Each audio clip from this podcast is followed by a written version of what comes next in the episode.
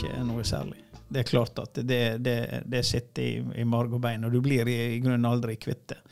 Eh, politietterforskere tror jeg har det naturlig liggende i seg. Det er nysgjerrigheten og uh, søke svar. Og når man ikke får det svaret, så, så, blir man ikke kvitt de sakene som man har vært involvert i, og vil alltid ha det liggende.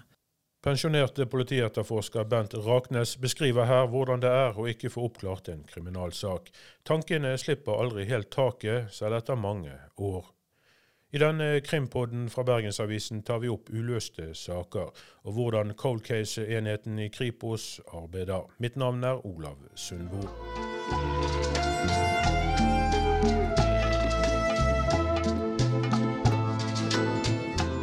Planen er nå å uh, gå gjennom uh, flere graver. Så uh, nå holder vi på med én grav. Og så tar vi én og én for gangen.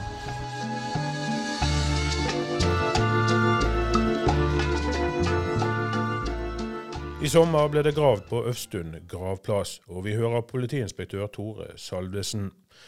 Heller ikke denne gang førte nye tips til noe funn eller løsning. Trine Fransen, som forsvant i 2004, er og blir savnet. Politiet tror hun ble drept.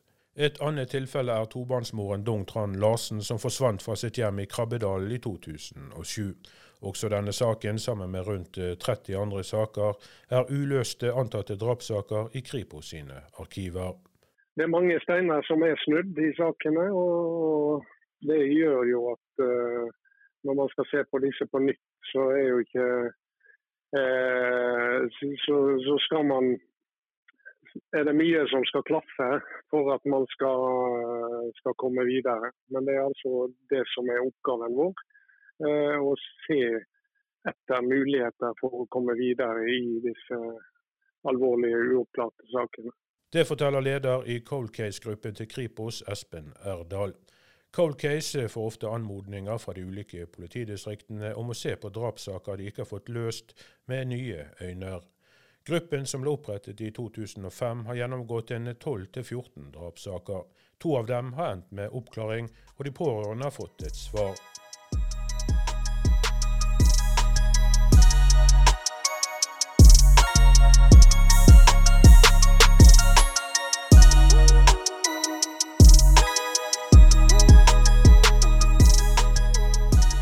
Er det som skal eh, klaffe? Er det først og fremst eh, ny eh, teknologi, DNA-spor, elektroniske spor, som kan ofte bidra til at dere får en løsning på sakene? Ja, det er ny, ny teknologi og nye muligheter. Sånn sett er jo selvfølgelig sentralt. Dette med, med utviklingen innen DNA nevnes jo stadig vekk, og det har jo faktisk bidratt til å å oppklare saker eh, både i, i, Norge og i andre land. Der, eh, der utviklingen har uh, gjort at man i dag bare trenger en, en liten brøkdel av det biologiske spormaterialet man trengte for noen år tilbake for å få en, en fullverdig DNA-profil. Så det er sentralt. Men, men kanskje vel så viktig i en del saker, tenker jeg, verdien bare av det å se på sakene med, med nye øyne.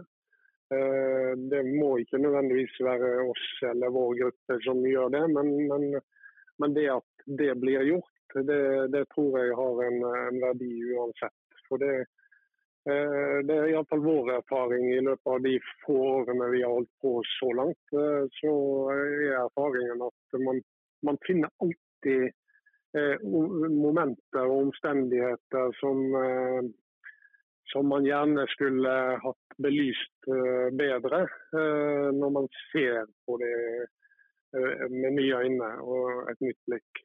Til tross for ny teknologi og metoder er det ikke gitt at flere drap blir oppklart. Det er ingen quick fix i, i disse sakene. og mange av de må vi nok bare akseptere, både vi og samfunnet må akseptere at uh, forblir uløst. Men uh, vi ser at uh, det er mulig, og at vi ser at noen av sakene lar seg oppklare, også selv om det har gått mange år. Ja, føler dere at pårørende og etterlatte at de har kanskje litt for store forventninger når dere går ut med og forteller offentligheten at dere ser på den og den saken på nytt? Ja, det, det er jo helt naturlig at, vi, at det at vi går ut og sier at vi ser på, på deres sak, eh, eller saken som gjelder deres eh, kjære på nytt. Det er jo helt naturlig at det tenner nye, nye håp hos, eh, hos, de pårørende. Det som er vanskelig i dette, her, det er jo at de har kanskje opplevd og, og fått sånne håp flere ganger opp gjennom eh, etter hvert som årene har gått. Og så har de blitt eh, skuffa hver gang. Eh, og så kommer vi nå mange år etterpå og tenner et nytt håp, og som vi kanskje ikke kan innfri. Sånn at de får en, en ny nedtur. Så det, det, er, det, er, flere sider ved dette. Og ja, jeg, jeg tenker ofte på, på, de pårørende når vi jobber med disse sakene. For det, det, har jeg erfart gjennom eh, mange år med, med etterforskning av drap. At uh, er det noe som oppi all tragedien kan hjelpe de pårørende videre, så er det nettopp å få ordentlig svar på hva som skjedde med deres kjære, og, og hvorfor det skjedde.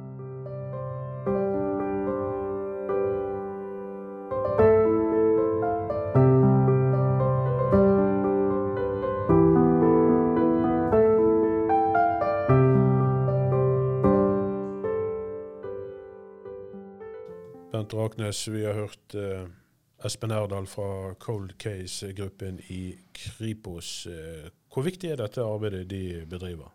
Jeg syns jo det er en ganske viktig jobb, og jeg tror de gjør også en veldig god jobb. Når de har klart å, å vært med og oppklart to saker, så syns jeg det er en høy prosent, egentlig. For det er et stor utfordring på disse gamle sakene å ta tak i de. Og så tror jeg det er greit å ha en egen enhet utenfor både det politidistriktet som ber om bistand og alt, til å se. Det som vi har sagt i politiet, det er alltid lurt å snu bunken og se gjennom den på nytt. Så jeg tror dette er en viktig enhet.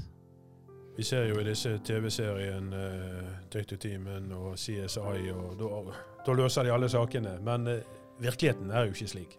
Nei da, som uh, Espen Erdal sa, så, så, er det jo sånn at en del saker er det jo vanskelig å løse, men det kan være like viktig for pårørende og, uh, at man iallfall snur bunken og, og, får nye øyne til å se på sakene. Og sånn at iallfall man har gjort så godt man kan. I Bergen så har vi også noen uh, saker som muligens egner seg for gjennomgang. Det er Trine Fransen-saken og Dung uh, Trand Larsen-saken. To saker hvor man antar at de er blitt drepte, men hvor man ikke har funnet de Eh, disse savnede. Og eh, dette er vel også saker som er kanskje enda verre å etterforske enn saker hvor man har funnet eh, en avdød. Ja, her er det to vanskelige saker, åpenbart, begge to. Og det har jo vist seg. altså Trine Fransen-saken har jo vært mye både i media, og det er gjort mye arbeid bare nå siste året i forhold til den saken. Og man sitter fortsatt ikke og har funnet uh, levninger etter Trine. Og det er klart at det, det vanskeliggjør sa, uh, den saken spesielt. Når det gjelder Dung Trang Larsen, så er jo man i akkurat i samme samme situasjon med den saken. Det er fortsatt ikke funnet uh, noen levninger um, etter henne heller. Og ja, det, det, det gjøre det. Det er klart at Hadde man funnet noen av de, så er jo det enklere å følge en tråd fra et sted, et åsted, eh, og jobbe ut fra der. Den muligheten har man ikke nå. Men i begge disse sakene så forsvant de uh, under mystiske omstendigheter. Trine vanket i et uh, spesielt miljø, et narkotikamiljø, et rusmiljø i Bergen. Mens uh, Dung Trand Larsen på sin side var jo en familiemor med små barn som plutselig bare forsvant. Ja, Det er litt to forskjellige saker. Nå, nå har det vært jobbet ganske intenst med, med Trine Fransen-saken, og at media har vært på hugget der mye. og eh, vi er vel kommet til en situasjon at en del av vitnene, særdeles vitnene, ikke er blant oss lenger. Sånn at den saken blir det jo mindre og mindre mulighet. Men jeg er jo, som jeg har sagt tidligere i podkast, alltid en optimist. Og jeg tror ennå at noen sitter med opplysninger der ute som kan uh, gi et svar på Trine. Når det gjelder Dungtran Larsen-saken, så er det òg en helt annen situasjon der òg. Uh, jeg Kjenner jeg de i Vest politidistrikt rett, så er nok ikke den saken uh, gitt opp ennå til å oppklare. Og uh, det er åpenbart at jeg er helt rimelig sikker på at det er noen som har svaret der ute om, uh, om hva som har skjedd med henne også. Og I begge disse sakene har det vært tatt ut siktelser mot antatte gjerningsmenn tidligere, men bevisene har ikke vært tilstrekkelige til å få dem pådømt og eventuelt ta ut en tiltale. Eh, og Det er jo nettopp fordi det ikke er funnet et lik. Og, sjansene for å oppklare en sak uten et lik er vel nærmest null? Ja, det, det, det er kjempevanskelig.